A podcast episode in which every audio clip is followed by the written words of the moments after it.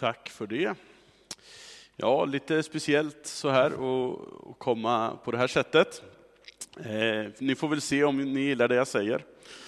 Eh, det är väl lite så. Nej vars. Men eh, jag har, när jag funderade på den här dagen, så, eh, så kom ett tema till mig, eller det låter väldigt högtravande. Men eh, jag ska prata lite om någonting som vi kallar för efterföljelse. Och jag ska utgå från en text i Matteus evangeliets fjärde kapitel, som jag hoppas ska komma här. Och vi gör så att vi står upp så ni får lite syretillförsel ner i benen medan vi lyssnar på evangeliet.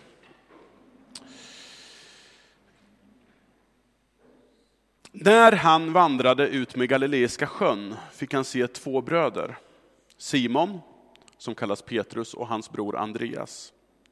De stod vid sjön och fiskade med kastnät, för de var fiskare. Han sa till dem, kom och följ mig, jag ska göra er till människofiskare. Och de lämnade genast sina nät och följde honom. När han gick vidare fick han se två andra bröder, Jakob, Sebedaios son, och hans bror Johannes, sitta tillsammans med sin far Sebedaios i båten och göra i ordning sina nät. Jesus kallade på dem, och genast lämnade de båten och sin far och följde honom. Varsågod och sitt.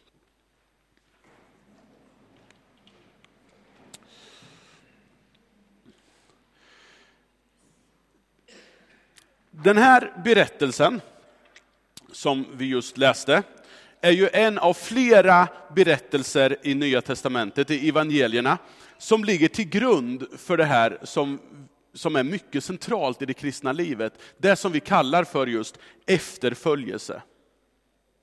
Precis som Petrus och Andreas, Jakob och Johannes i det här textstycket, så, precis på det sättet som de kallas att följa Jesus, så används just det som en bild på vad det kristna livet handlar om. Jesus kallar oss alla, var och en, med orden Följ mig. Följ mig. Ordet efterföljelse gör att det kristna livet inte kan reduceras till ett statiskt tillstånd. Nu är jag kristen, och då är jag det. Utan i detta att följa någonting så ligger det per definition också en rörelse. Vi kallas till rörelse i den här kallelsen Följ mig. En process, förändring. Att vara kristen, att följa Jesus, att vara frälst, eller vad vi nu väljer att kalla det här, innebär att vara i rörelse i en specifik riktning. Och den här rörelsen brukar med ett sånt här kristet ord kallas för helgelse. En del av, av er har säkert hört det ordet förut. Helgelse. Och helgelse det innebär den här processen då man som människa blir mer och mer lik Jesus. Att formas efter hans sons bild är ju det vi är kallade till, läste vi i inledningsordet nyss. Vad innebär det då? Innebär det att alla ska bli likadana? Vi ska bli lik Jesus? Är inte det likriktande? Som småbarnsförälder så får man sin beskärda del av tecknad film. Eh, och även om man inte vill det så lär man sig filmer utan till. Man kan faktiskt snappa upp ett och annat bra av de där tecknade filmerna. Lejonkungen, har ni sett den? Ja, mm, ja. Mm. Härligt. Då vet ni vad jag pratar om nu. Där möter vi ju Simba. Eh, Simba är ju prins i Lejonriket. Men av olika anledningar så flyr han bort från det livet därför att han tror sig vara skyldig till sin fars död och flyr bort från lejonen och lejonriket och startar ett nytt liv tillsammans med ett vildsvin och en serukat. Djupt. Ja. Men efter en tid så hamnar han i en existentiell ångest. Hans förflutna kommer ikapp honom. Och sen så möter han sin döde far i en vision på himlen. Och här kommer då det här citatet som jag tycker är fullständigt briljant och det är synd att det inte finns med i Bibeln. Då säger Mufasa så här. Simba, något sånt. Du är mer än vad du har blivit. Du är mer än vad du har blivit. Och det här mötet gör ju att Simba då återvänder och blir den han är.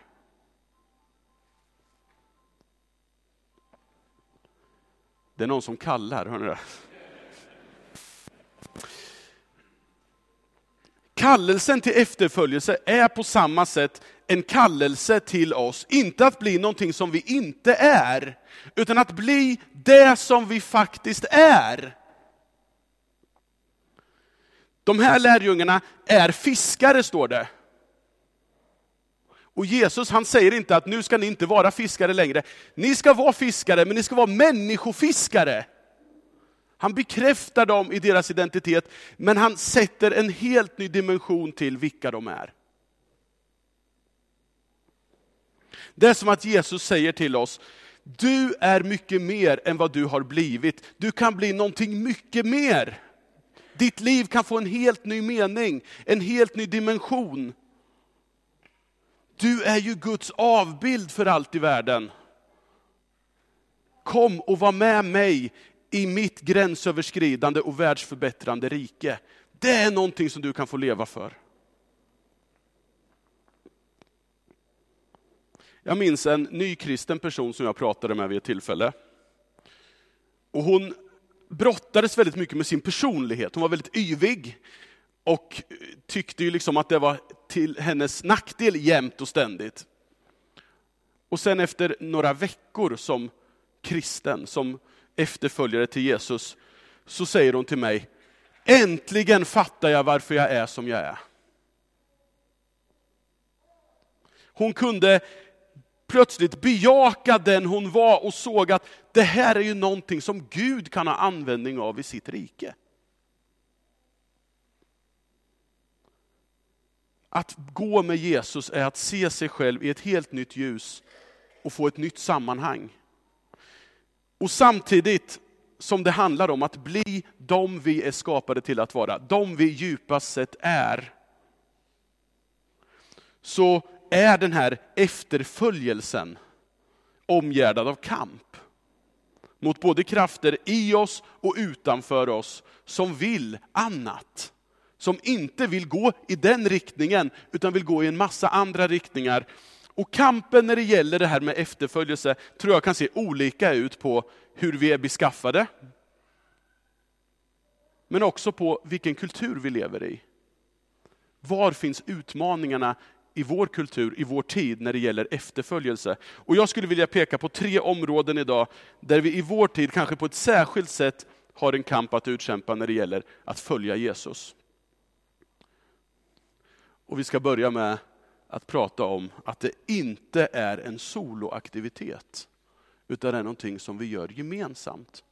Nu kommer jag säga några saker som det inte är. Det, är lite så här, det kallas för apofatisk teologi, när man beskriver någonting, vad det inte är, istället för att prata om, det, om det, vad det faktiskt är. Men jag tänker att det kanske är så att, att vi har en, en bild av vad det är, men som det inte är. Och jag tror faktiskt inte att det är en soloaktivitet, även fast vi kanske ofta har en tendens att tro det. Vi lever i en hysterisk individualistisk kultur. Var och en lever sitt liv utifrån sin egen navel som centrum i Sverige, generellt sett. Och i en sån miljö så finns det finns alltid den här frestelsen att även se på den, det kristna livet och den kristna församlingen som någonting som jag kan välja eller avstå efter eget tycke och smak, för jag vet själv vad som är bäst för mig. Det viktiga är att jag har, jag har ju min tro, och jag har min lilla egna relation med Jesus, och vi har det så mysigt på morgonbönen. Eller aftonbönen, eller vad det kan vara. Och det här med församling och det gemensamma livet, det är bra så länge jag tycker att jag får ut något av det.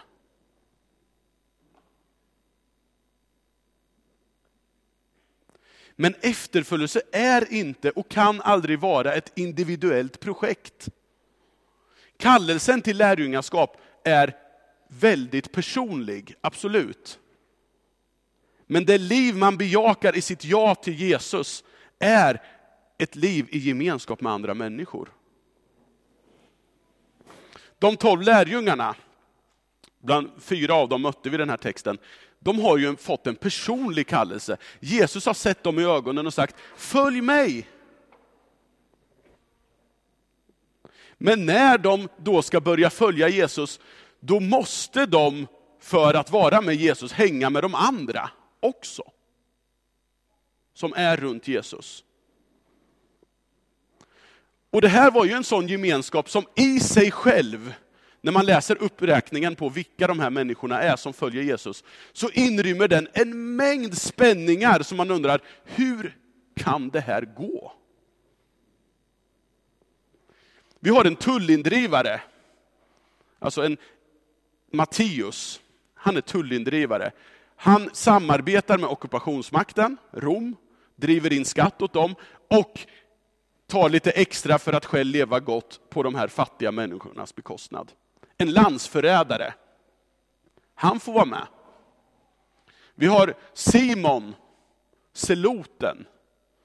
Seloterna, det var en nationalistisk grupp som tyckte att vi bör göra väpnat uppror mot Rom. Förmodligen så tyckte Simon innan han träffade Jesus att en sån som Matteus, honom skulle man kunna slå ihjäl utan några större problem. Men Jesus säger, följ mig till båda de här två. Och de får minsann finna sig i det att, ja ja, vi får väl stå ut, typ.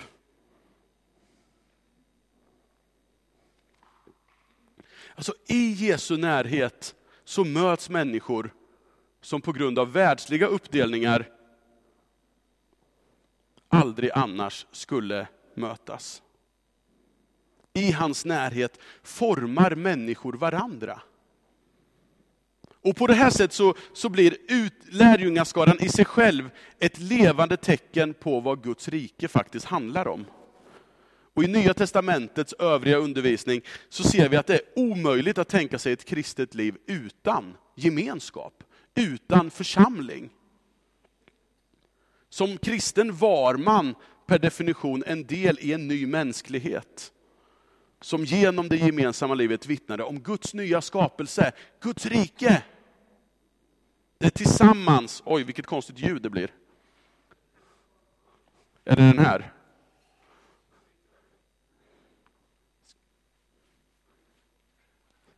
Ska jag ta den? Snor den här.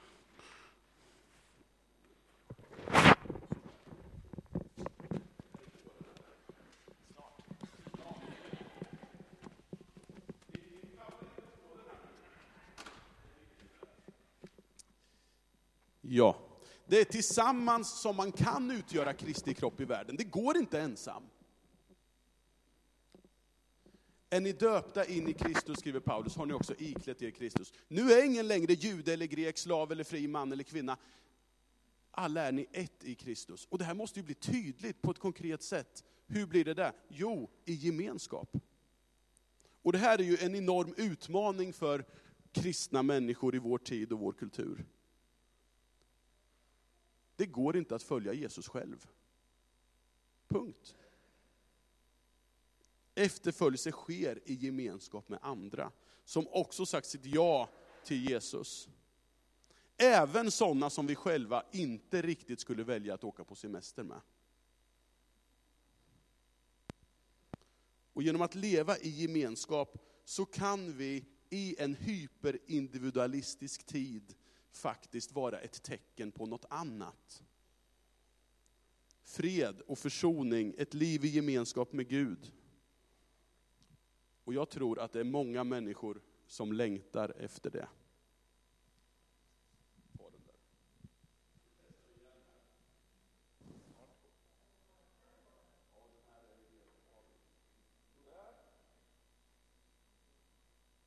Så, nu. Jag tror många människor längtar efter det tecknet på ett alternativ till vår kultur, den individualistiska kulturen. Gemenskapen med andra, det är en förutsättning, inte ett hinder för att bli den du är. Den Gud säger att du är. Det andra som jag skulle vilja peka på, det är att det inte är någon söndagsaktivitet att följa Jesus, utan det är någonting vardagsnära. Vid sidan av det här individualistiska draget i vår tid, så är vi enormt splittrade. Vi ska vara överallt och hinna med allt, hela tiden. Arbete, hem, trädgård, skjuts av barn till alla de aktiviteter som vi tror att de har rätt till att bli skjutsade till, helst åtta kvällar i veckan för att vi ska vara bra föräldrar och allt det där, ni vet. Ett meningsfullt fritidsintresse som man har förstått att man måste ha för att vara lycklig. Allt det som förr skedde med samma människor på samma plats, sker nu med olika människor på en mängd olika platser. Och den enda människan som återkommer på alla de här arenorna där vi finns, det är vi själva. Kyrkan riskerar att bara bli ytterligare en punkt och ett socialt sammanhang bland andra i våra liv. Det kristna livet tenderar att, att reduceras till vad som sker i en byggnad mellan vissa klockslag någon dag i veckan eller så. Precis som arbetslivet, familjelivet, fritidslivet, så blir det kristna livet en av flera sektorer av livet. En av flera tårtbitar i en sån här TP-bit. Alltså vårt liv är som en sån här TP som går omkring så här och så samlar man tårtor. Jag vet inte hur många som spelar TP nu för tiden, vi gjorde det mycket förr. När jag var ung. Och då blir liksom lätt det kristna livet en av alla de här pjäserna, istället för att genomsyra alla. I bergspredikan som är ett tal av Jesus till de här lärjungarna, som han har kallat, så behandlas inte hur de ska bete sig rätt i gudstjänsten. Det är fullständigt det är inte ointressant, men, men det är inte det Jesus pratar om, utan han pratar om hur lever vi i vår vardag? Konfliktlösning. Sex.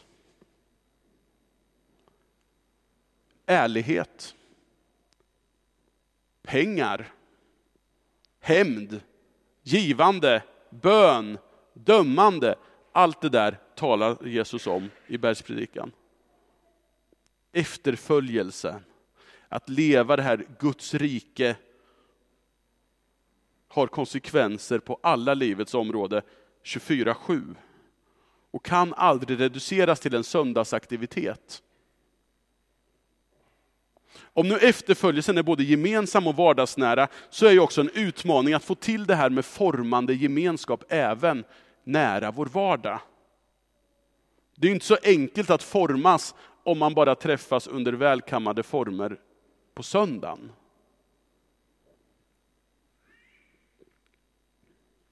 Risken är att kristna, i längtan att få till det här, det här med vardagsnära kristendom, för jag tror att många, många känner igen sig, om det, där, det där vill vi och det där längtar vi efter. Men risken blir ju att vi blir mer splittrade och upptagna än andra, eftersom vi dessutom tror att vi kan göra allt det där som alla andra håller på med i samhället. Att haka på i tempot, ni vet. Men tänk om vi skulle sluta springa i självförverkligandets ekorrhjul och prioritera bort något av det andra. Att få till en vardagsnära efterföljelse handlar inte så mycket om att lägga till saker i våra liv,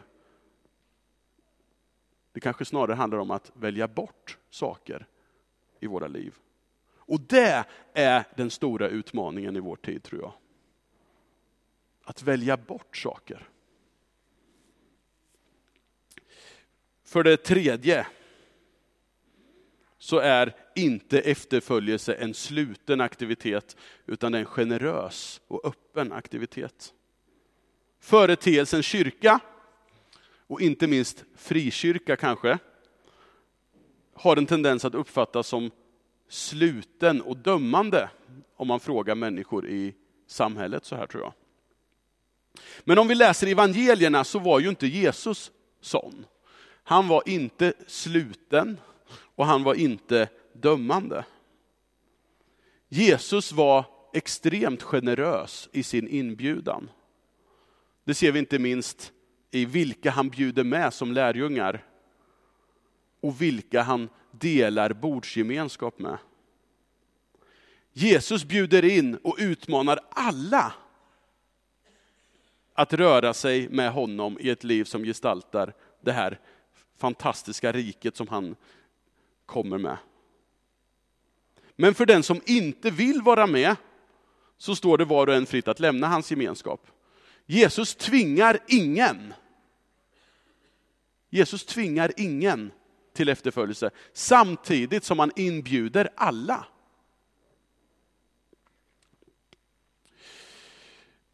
I en frikyrklig miljö, som Korskyrkan är, kan jag tänka mig, så har, man, har vi historiskt ofta betonat frälsning och kristet liv i relation till ögonblicken. Vad menar jag med det? Jo, vi har betonat saker som erfarenheten av Gud, den personliga omvändelsen, beslutet. Och det har varit rätt, det har varit bra, att, att, det, har varit, det har varit jätteviktigt. Men det finns en risk när man så tydligt betonar de här ögonblicken, att man lite grann tappar bort frälsningen som en process. En kultur kan därför ha formats där det uppfattas som att de som är med i en församling, de som har tagit de här besluten att jag vill vara med, jag är döpt och ni vet hela kittet. Då är man färdig, utan fel och utan brist. De andra som inte har fattat de här besluten, de ska bli som vi. Och på så sätt så blir ju efterföljelse inte den här rörelsen, utan ett statiskt tillstånd. Och i en sån miljö så är det inte så lätt att vara trasig. Att tvivla. Att brottas med synd. Och en, och en sån miljö leder lätt till slutenhet och ytlighet. Jag vet inte hur det är med med er, men jag är uppväxt i, i frikyrkan. Och när jag växte upp så var jag ofta på, eller jag gillade att gå på väckelsemöten där LP-stiftelsen medverkade.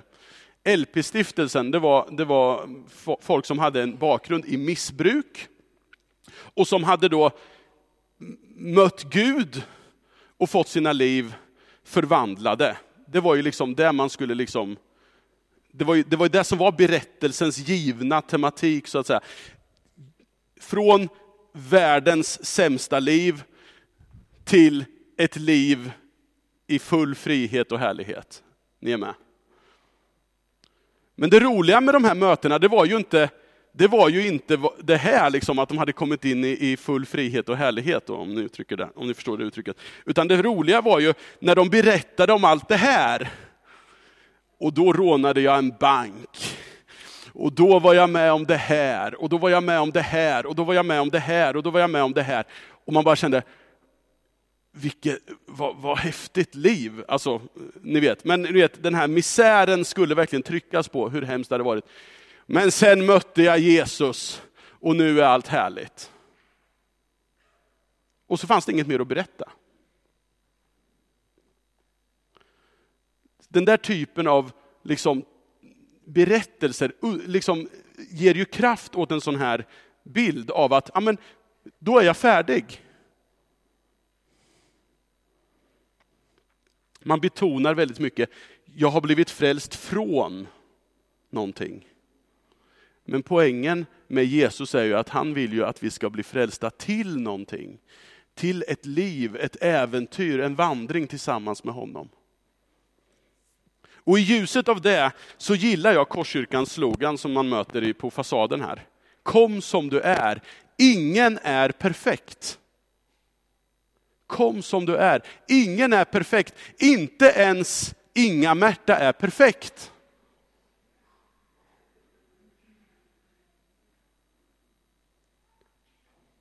Förstår ni? Liksom, ing, inte ens hon. Inte någon. Och jag tror ni har fångat något väldigt viktigt där.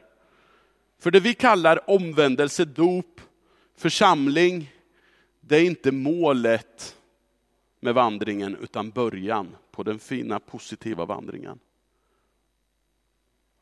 Utmaningen är ju att den här slogan också motsvarar människors erfarenhet när man kliver in i den här gemenskapen.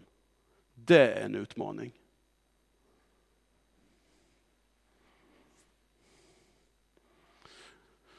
En väg till en generösare efterföljelse tror jag, det är formandet av en kultur av öppenhet med vår egen kamp i efterföljelsen. Att visa våra brister, erkänna våra brister just som brister. Vi befinner oss alla på väg. Inbjudan till Jesus och församlingsgemenskap är inte en inbjudan att kom och bli som oss. Det är inte det inbjudan handlar om, utan inbjudan handlar om att kom och var med oss och bli mer lik Jesus. Vi kämpar på, vi jobbar på. Det är inte så enkelt alltid. Vi tvivlar, vi brottas, vi faller. Men kom och var med i den rörelsen. En generös inbjudan. Att vara kristen är inte att vara färdig, utan att ödmjukt inse att man inte är det. Du blir aldrig färdig och det är som det ska, skriver Tranströmer. Att vår efterföljelse inte blir något statiskt, utan att den är en rörelse, inte ett soloprojekt, utan det är någonting som vi gör tillsammans, inte en söndagsaktivitet, utan någonting som pågår 24-7, inte är något slutet och dömande, utan öppet, generöst och ödmjukt inbjudande av fler till den här rörelsen. Det tror jag är nödvändigt om församlingen ska vara goda nyheter för vårt land och den här staden. Vi ber tillsammans. Gud, jag tackar dig för att du är den du är. Och tack för att du möter oss exakt där vi är. Du har gått ner i det djupaste djup och det finns ingenstans vi kan gå dit inte du kan söka upp oss. Tack för det Gud. Och tack för att du manar oss att följa dig. Hjälp oss att följa dig, hjälp oss att, att gå i den riktning som du vill att vi ska gå. Tack för att du finns i den här gemenskapen, tack för att du finns i Korskyrkans gemenskap. Jag ber om att det ska få vara en,